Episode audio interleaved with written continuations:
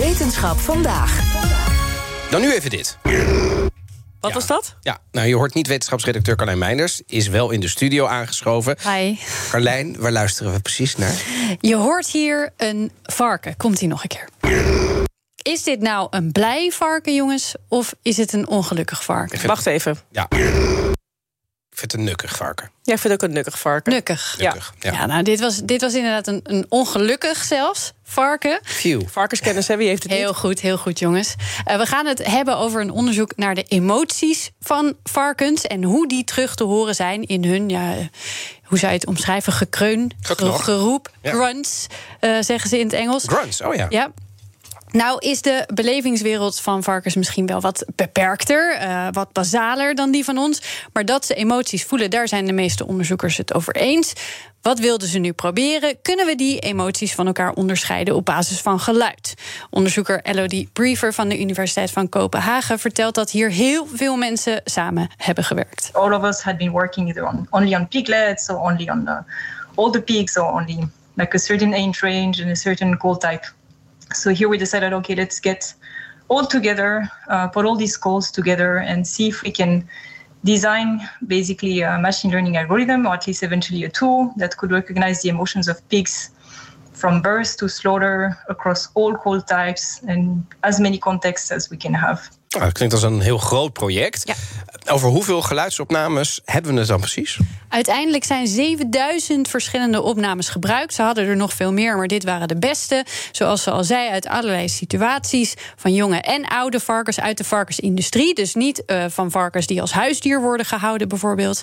Die opnames hadden de onderzoekers deels al zelf. Maar er zijn ook nieuwe gemaakt, omdat er een paar situaties nog ontbraken. Zoals geluiden uit slachthuizen. Dat lijkt me de naarste om te moeten opnemen als team. Maar dat is dus wel gebeurd. Ja, ook wel goed dat dat doet. Hè? want Zeker, ja, En vervolgens, want ze wilden dus een algoritme maken waarmee de verschillende soorten emoties onderscheiden kunnen worden, moest al dat geluid gesorteerd worden. Op klank, lengte, frequentie, helderheid. Dat konden ze dan in een algoritme invoeren.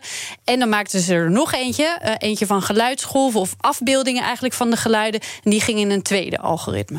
Oké, en over hoeveel verschillende emoties hebben we het dan eigenlijk? Ja, dat is een beetje gebaseerd op wat we daarover weten over varkens uit eerder onderzoek. Ze maken hier onderscheid tussen positieve en negatieve emoties en de heftigheid daar dan van.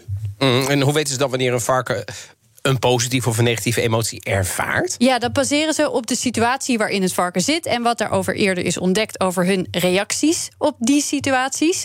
Negatief kun je zien als iets wat varkens liever uit de weg gaan, iets wat ze ervaren als eng of levensbedreigend bijvoorbeeld. That would be, for example, fightings between piglets, being exposed to barren uh, environment in isolation, slaughter, obviously castration. Maar dit is allemaal vrij logisch, toch, Carlijn? Dit is allemaal vrij logisch, maar je moet een algoritme dit ook allemaal nog leren. Hè? Uiteindelijk, daar ging het ze om.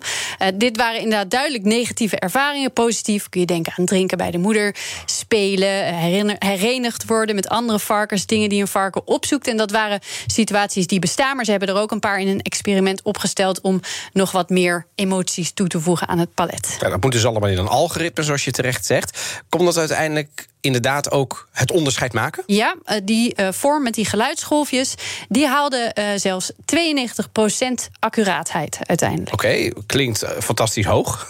Van de 100 neem ik aan. En wat willen ze hier nu mee gaan doen?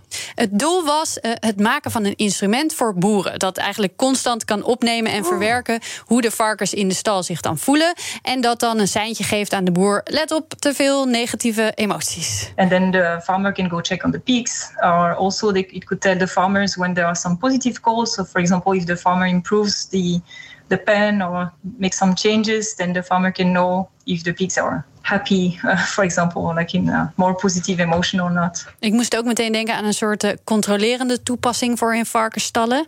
Zodat ook de juiste instanties bijvoorbeeld een seintje ge- krijgen als er een varkensstal is waarin niet goed genoeg omgegaan wordt met de dieren. Of als er brand is, want dat is ook nogal vaak. Bijvoorbeeld, maar daar zou ik dan eerder brandmelders voor. Eh, maar goed, eh, je, hoort, je kan dat combineren met elkaar natuurlijk. Eh, maar dat instrument zelf is er nog niet. Je moet dus de opnamekant, maar ook de app zelf dan uiteindelijk hebben. Uh, ze hebben wel een contact met andere onderzoekers, maar ook nog investeringen nodig.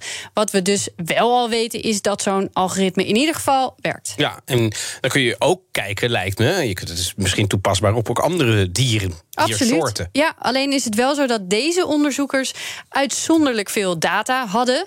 Uh, dus voordat dit uh, met bijvoorbeeld iets als koeien kan, moet er waarschijnlijk eerst nog flink wat worden opgenomen. Ja. We hebben natuurlijk eerst een nukkige varken gehad. Ja. Ik wil graag positief eindigen. Wil je een blij varken? Heb je een gelukkig... Wil je een blij varken? Ja, Hier komt een blij varken. Heel kort.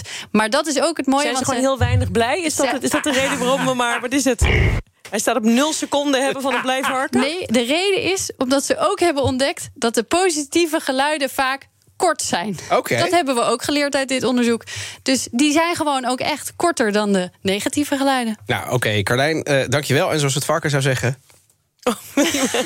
Je hem nog één keer Ja, horen? keer, oh, jongens, ik Ja, echt... ja. Komt-ie aan.